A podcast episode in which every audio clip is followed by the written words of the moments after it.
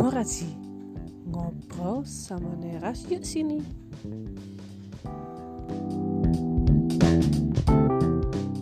Perkenalkan, namaku Neras.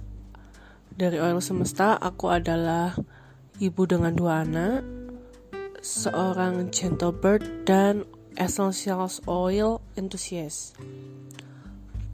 Kali ini aku akan mengajak kalian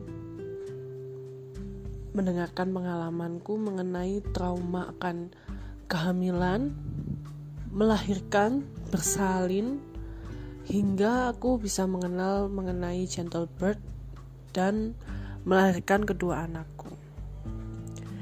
Jadi ceritanya waktu aku kuliah dulu, waktu liburan gitu, uh, aku kedatangan dua temenku untuk liburan ke Malang.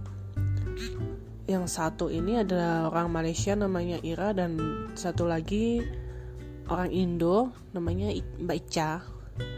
Nah, uh, liburan kali itu kami pergi ke pantai selatan. Karena ke pantai ke pantai selatan otomatis kami menaiki perahu untuk menuju beberapa pulau. Nah, ternyata temen aku yang dari Malaysia itu yang namanya Ira punya motion sickness. Jadi dia tuh waktu perjalanan nggak nggak ngomong kalau dia itu punya motion sickness. Akhirnya waktu pulang dia bener-bener mual, pusing parah, gak karuan. Akhirnya kita membawa kami membawa Ira ini tadi ke sebuah klinik yang searah dengan perjalanan pulang. Ternyata kliniknya itu adalah klinik bersalin. Dan si Ira tadi di rawat di ruang IGD-nya. Di satu ruangan IGD tersebut itu ada dua ranjang yang dipisahkan oleh sebuah gorden. Nah, selama Ira dirawat di, di sana, pasien atau klien dari klinik tersebut itu adalah seorang ibu hamil yang sedang mengalami proses persalinan dan ketika itu aku juga temenku yang namanya Mbak Ica tadi benar-benar ngedengerin banget suara dari ibu sebelah yang mengeluh yang benar-benar mengeluh banget. Mulai dari yang dia mengaduh nggak kuat, mengaduh kesakitan, mengaduh pengen cepet-cepet selesai proses persalinan ini karena dia udah nggak kuat banget, sampai ibunya si ibu yang melahirkan tadi jadi neneknya dari bayi itu mengingatkan ibunya itu untuk terus beristighfar, untuk sabar.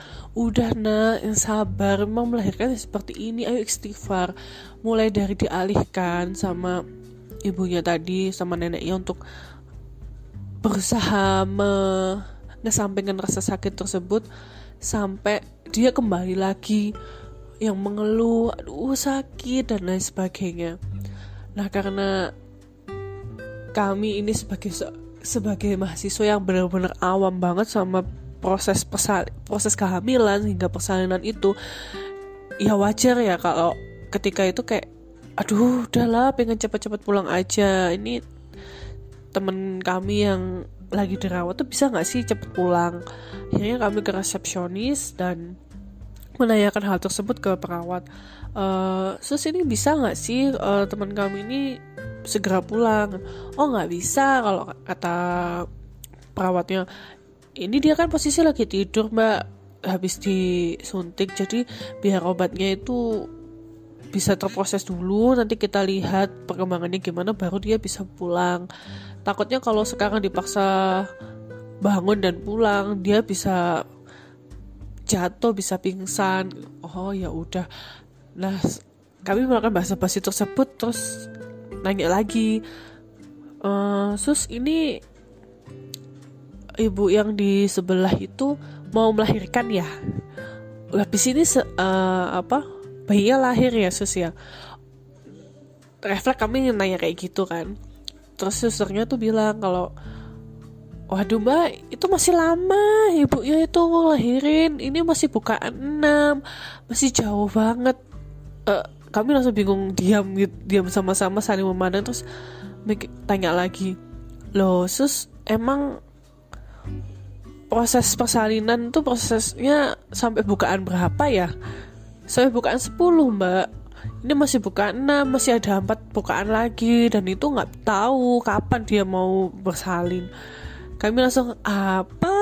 Dan hati masing-masing wah kok masih lama ya? Duh gimana nih kita dengerin ibu-ibu sebelah ini masih teriak-teriak dan lain sebagainya? Ya secara langsung terus kami masuk lagi dan menyemangati ibu di ranjang sebelah tadi. Walaupun ya tetap saja si ibu tadi mengeluh-ngeluh dan berusaha untuk segera selesai proses persalinannya. Terus uh, semenjak pergi pergi mengantarkan teman kami itu ke klinik aku tuh ngerasa kayak bener-bener ketakutan sama yang namanya hamil dan melahirkan. Kok kayaknya itu sakit ya. Kayaknya tuh capek kayaknya tuh nggak kelar-kelar kayaknya tuh menghambat kita nggak bisa ini nggak bisa itu. Dan kayak nggak ada manfaat nggak bukan nggak ada manfaatnya tapi kayak nggak ada sesuatu yang menyenangkan gitu dari proses kehamilan dan persalinan itu. Kok kayaknya perempuan tuh menderita sendirian. Kayak nggak adil. Sampai akhirnya aku nggak pengen untuk menikah nggak pengen hamil nggak pengen melahirkan nggak pengen punya anak. Karena mikirnya ini pasti bakal repot banget.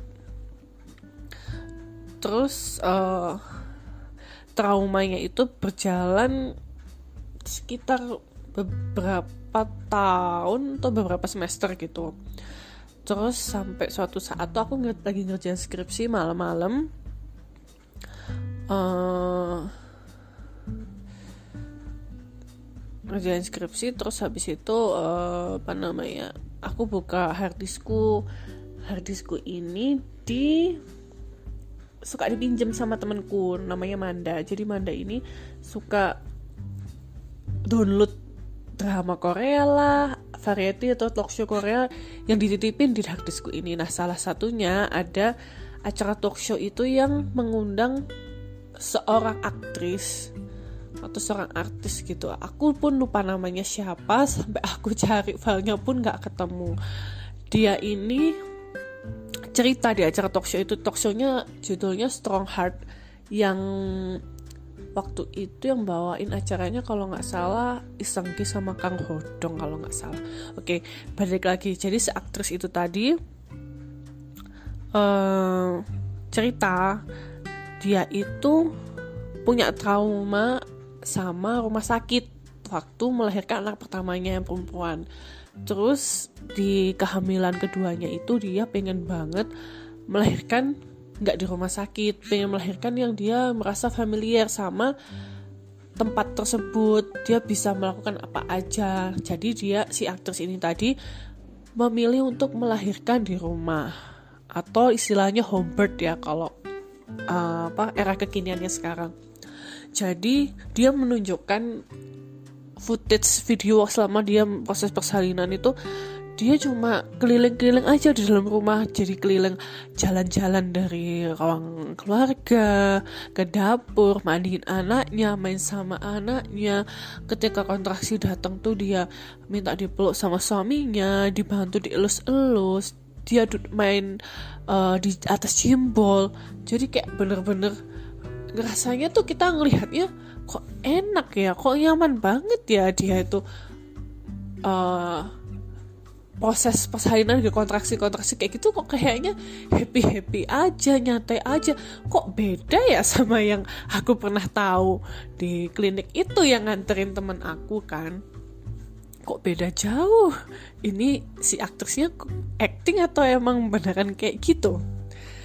Nah, dari situ tuh udah mulai aku penasaran. Ini dia itu pakai metode apa sih kok bisa uh, kayak gitu kayaknya nyaman banget gitu terus beberapa waktu berjalan terus nggak sengaja lagi nih aku lagi browsing browsing buat bahan skripsiku bosen terus entah kenapa aku nemu uh, vlog kalau nggak salah atau tulisan gitu tentang birth story-nya dari Ati Atisha anak dari Mbak Dewi Lestari sama Mas Reza Gunawan. Di situ membahas mengenai water bird dan gentle bird di mana proses persalinannya itu tanpa intervensi dan dilakukan di rumah.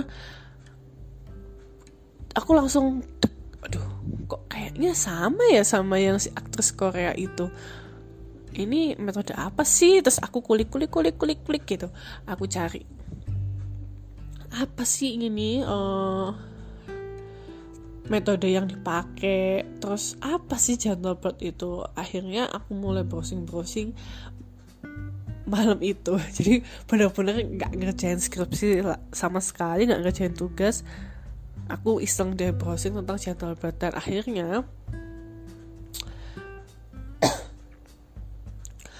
uh, pemikiran lamaku bahwa bird itu metode baru yang baru muncul itu terpatahkan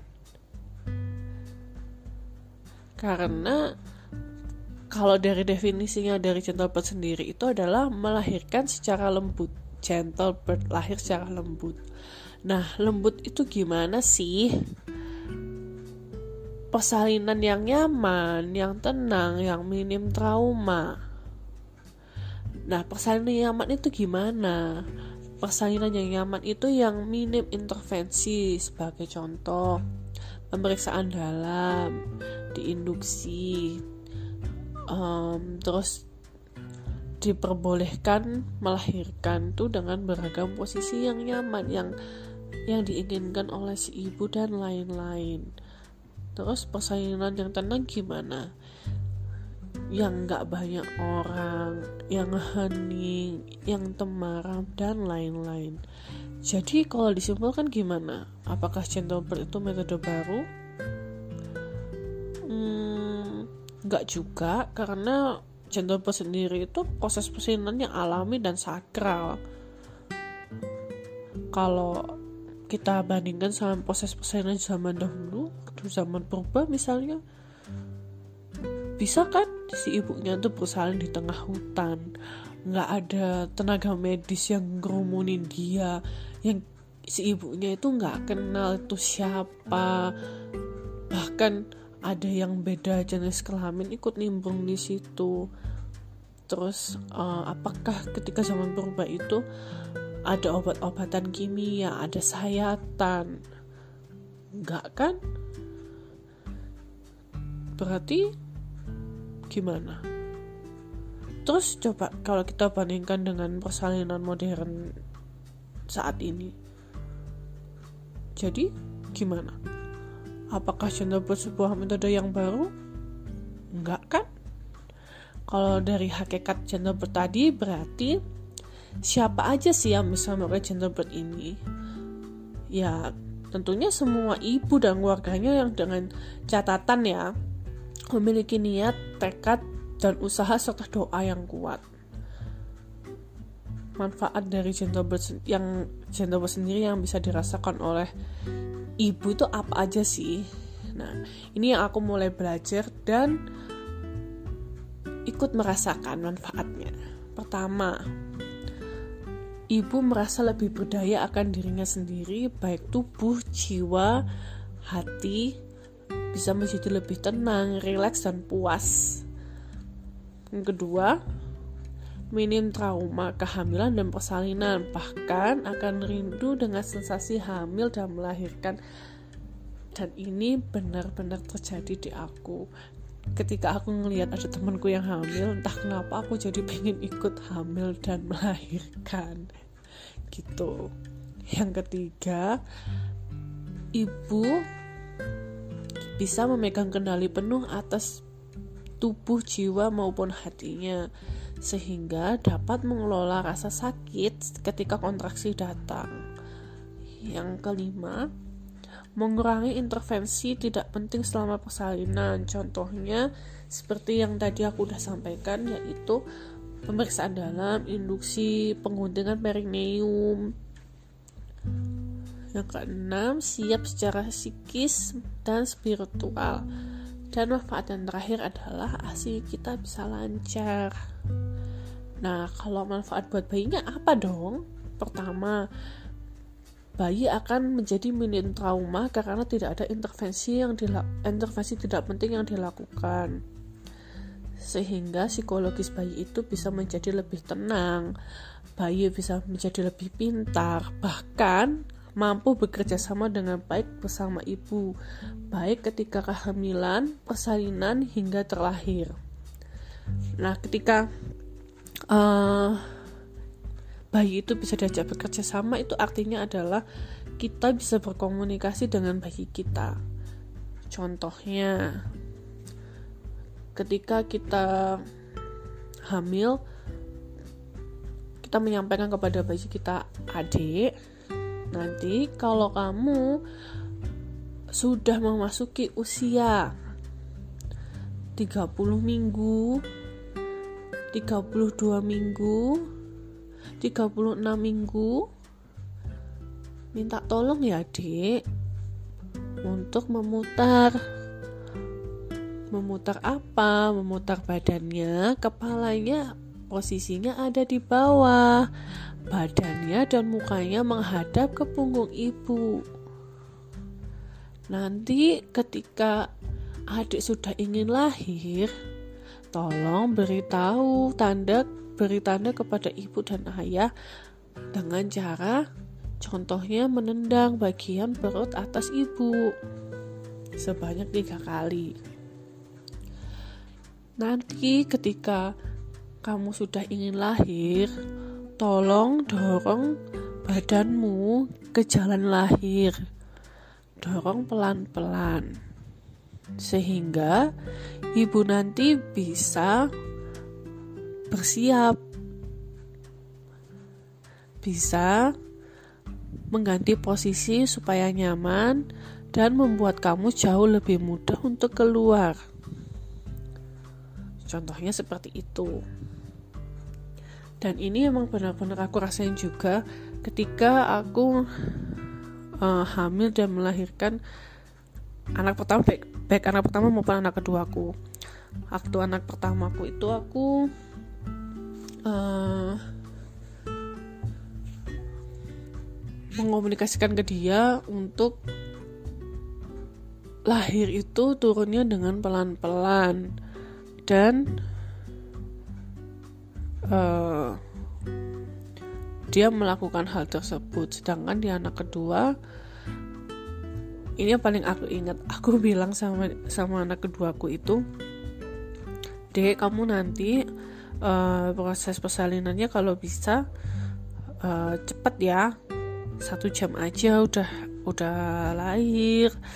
Soalnya kalau lama-lama nanti kakak itu kasihan kalau misalnya butuh butuh up butuh makan atau butuh minum atau butuh main tuh susah kasihan. Kakak nanti nggak bisa nggak bisa kita bantu nggak bisa kita temenin. Terus nanti uh, kamu juga jadinya nggak enak kalau misalnya terganggu juga. Jadi lebih baik kita lahirannya cepet-cepet aja. Satu jam jadi uh, kakak nggak terganggu adik juga cepet ketemu sama ibu sama abi sama kakak gitu. Dan alhamdulillah masya allah anak keduaku itu lahir cepet banget. Terus manfaat lainnya apa sih kalau yang dirasakan buat ayah?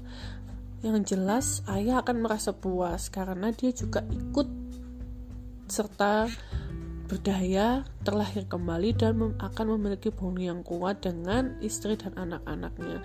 Karena dia tadi ikut berdaya tadi.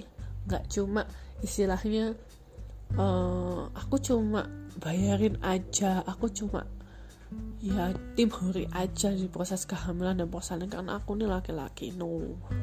Nggak seperti itu. Nah terus apa sih yang harus dilakukan untuk mencapai jadwal pertama yang paling penting banget adalah niat karena proses kehamilan itu merupakan anugerah dari sang pencipta di mana hadirnya seorang bayi atau beberapa orang bayi kalau kembar di dalam rahim kita itu merupakan tanda sebuah kepercayaan yang diberikan dan dipercayakan kepada kita. Proses kehamilan itu juga merupakan sebuah gerbang yang mengantarkan seorang manusia baru di mana manusia baru ini adalah sebuah kertas putih kosong dan nantinya kita sebagai seorang ibu, seorang ayah, sebagai orang tua akan membantu dia untuk mengenal dunia, mengenal akan Tuhannya, mengenal Allah.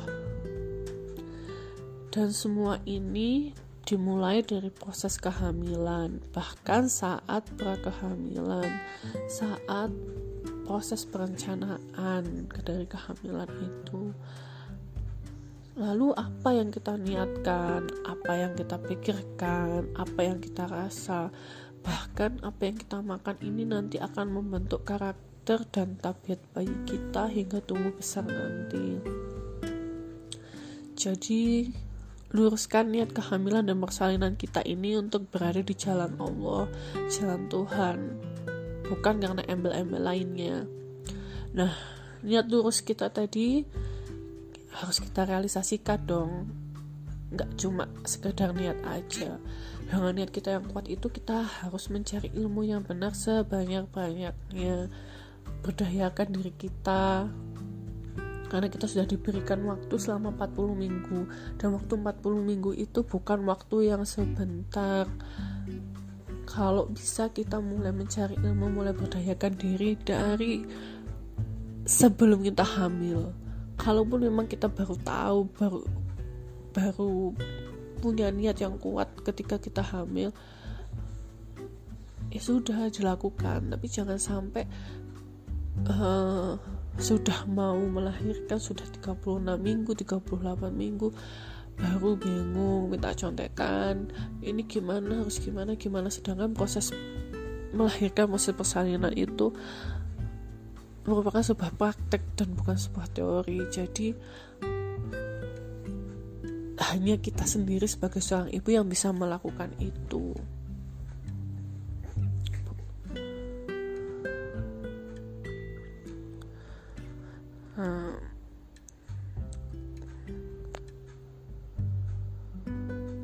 dan yang perlu diingat juga ibu hamil itu adalah manusia biasa bukan orang berpenyakit yang harus rebahan sepanjang hari atau bahkan makan sebanyak-banyaknya. Makan untuk dua orang tanpa memikirkan kandungan gizi pada makanan tersebut. Yang perlu diingat lagi adalah apa yang kita niatkan, apa yang kita pikirkan, apa yang kita rasa, apa yang kita makan itu akan membentuk karakter dan tabiat dari bayi kita nanti. Kemudian, hal lain yang perlu kita lakukan adalah melakukan maternity tour, mencari provider yang tepat untuk kita. Apakah provider itu memiliki chemistry dengan kita? Apakah provider tersebut itu sejalan dengan uh, rencana persalinan atau birth plan kita apakah dia bisa menyediakan hal tersebut atau tidak? Atau bahkan kita tidak punya chemistry sama sekali dengan dia. Nah itu pasti membutuhkan banyak waktu dan tenaga. Oh ya juga biaya. Terus selain itu kita juga harus mengerjakan tugas atau PR yang yang ada dua yaitu secara fisik maupun secara psikis. Secara fisik itu apa? Contohnya latihan pernafasan latihan olah nafas perut ini sangat membantu untuk mengurangi heartburn mual saat kehamilan dan membantu nafas kita menjadi lebih panjang saat persalinan dan membuat kita tidak gampang capek atau lelah. Yang kedua, olahraga ringan dan olahraga olahraga ringan ini standarnya akan berbeda dari satu orang dengan orang yang lainnya contohnya aku kuat untuk berenang tapi aku gak bisa untuk yoga. Sedangkan temenku dia rajin banget yoga. Setiap hari itu dia bisa yoga beberapa kali. Tapi dia nggak bisa berenang walaupun dia punya kolam renang di rumahnya. Yang ketiga ada massage atau pijat. Dan ini juga perlu diperhatikan titik-titik pijat mana yang boleh dan tidak boleh untuk dilakukan baiknya kita bisa berkonsultasi dengan tenaga ahli yang keempat konsumsi makanan sehat makanan sehat itu yakni makanan non GMO non MSG dan bisa juga menggunakan essential oil untuk membantu melewati proses kehamilan dan persalinan yang jauh lebih menyenangkan. Sedangkan secara psikis kita bisa melakukan relaksasi, hypnobirthing, meditasi, afirmasi positif dan menjaga ketenangan jiwa. Oh ya, ada tips untuk melakukan gentle birth. Pertama, ubah dan hilangkan mitos dan keyakinan negatif mengenai kehamilan dan persalinan. Contohnya, kehamilan itu melelahkan, persalinan itu menyakitkan seperti mitos-mitos yang beredar di masyarakat dan trauma yang pernah aku alamin dulu. Yang kedua, dilepaskan kendala waktu, perbatasan gerak hingga kebisingan.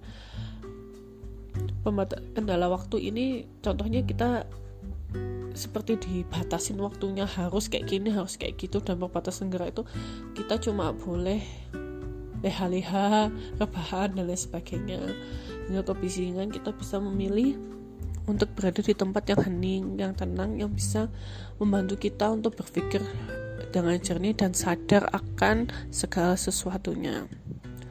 Ketiga, komunikasikan pengalaman dan perencanaan kehamilan serta persalinan kita kepada provider agar mereka bisa membantu kita dalam merealisasikannya jadi nggak cuma kita aja nih kita udah punya birth plan harus kayak gini mau kayak gini mau kayak gitu tapi nggak pernah kita sampaikan ke provider kita akhirnya karena nggak pernah kita sampaikan begitu proses persalinan eh ternyata nggak ada chemistry, nggak sejalan, dan lain sebagainya.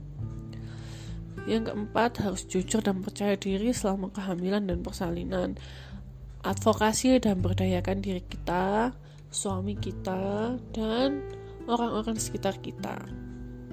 Nah, masalah pemberdayaan diri ini aku akan ada cerita lain gimana kalau misalnya kita sudah atau punya keinginan untuk memberdayakan diri dengan kuat tapi orang sekitar kita skeptis itu akan ada pembahasan lainnya yang kelima ciptakan suasana yang mendukung selama kehamilan dan persalinan baik untuk diri kita sendiri pendamping persalinan suami, doula, orang tua kita, atau siapa pun, bahkan provider kita.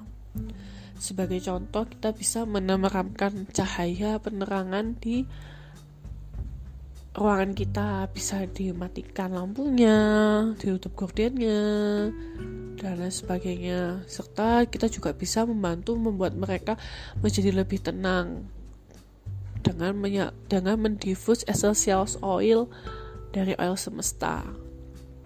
Kenapa kok kita uh, disarankan ya untuk membantu menenangkan tim hori kita itu tadi dari penambah persalinan dan juga provider. Karena sejujurnya proses persalinan kita itu kita nggak akan pernah tahu.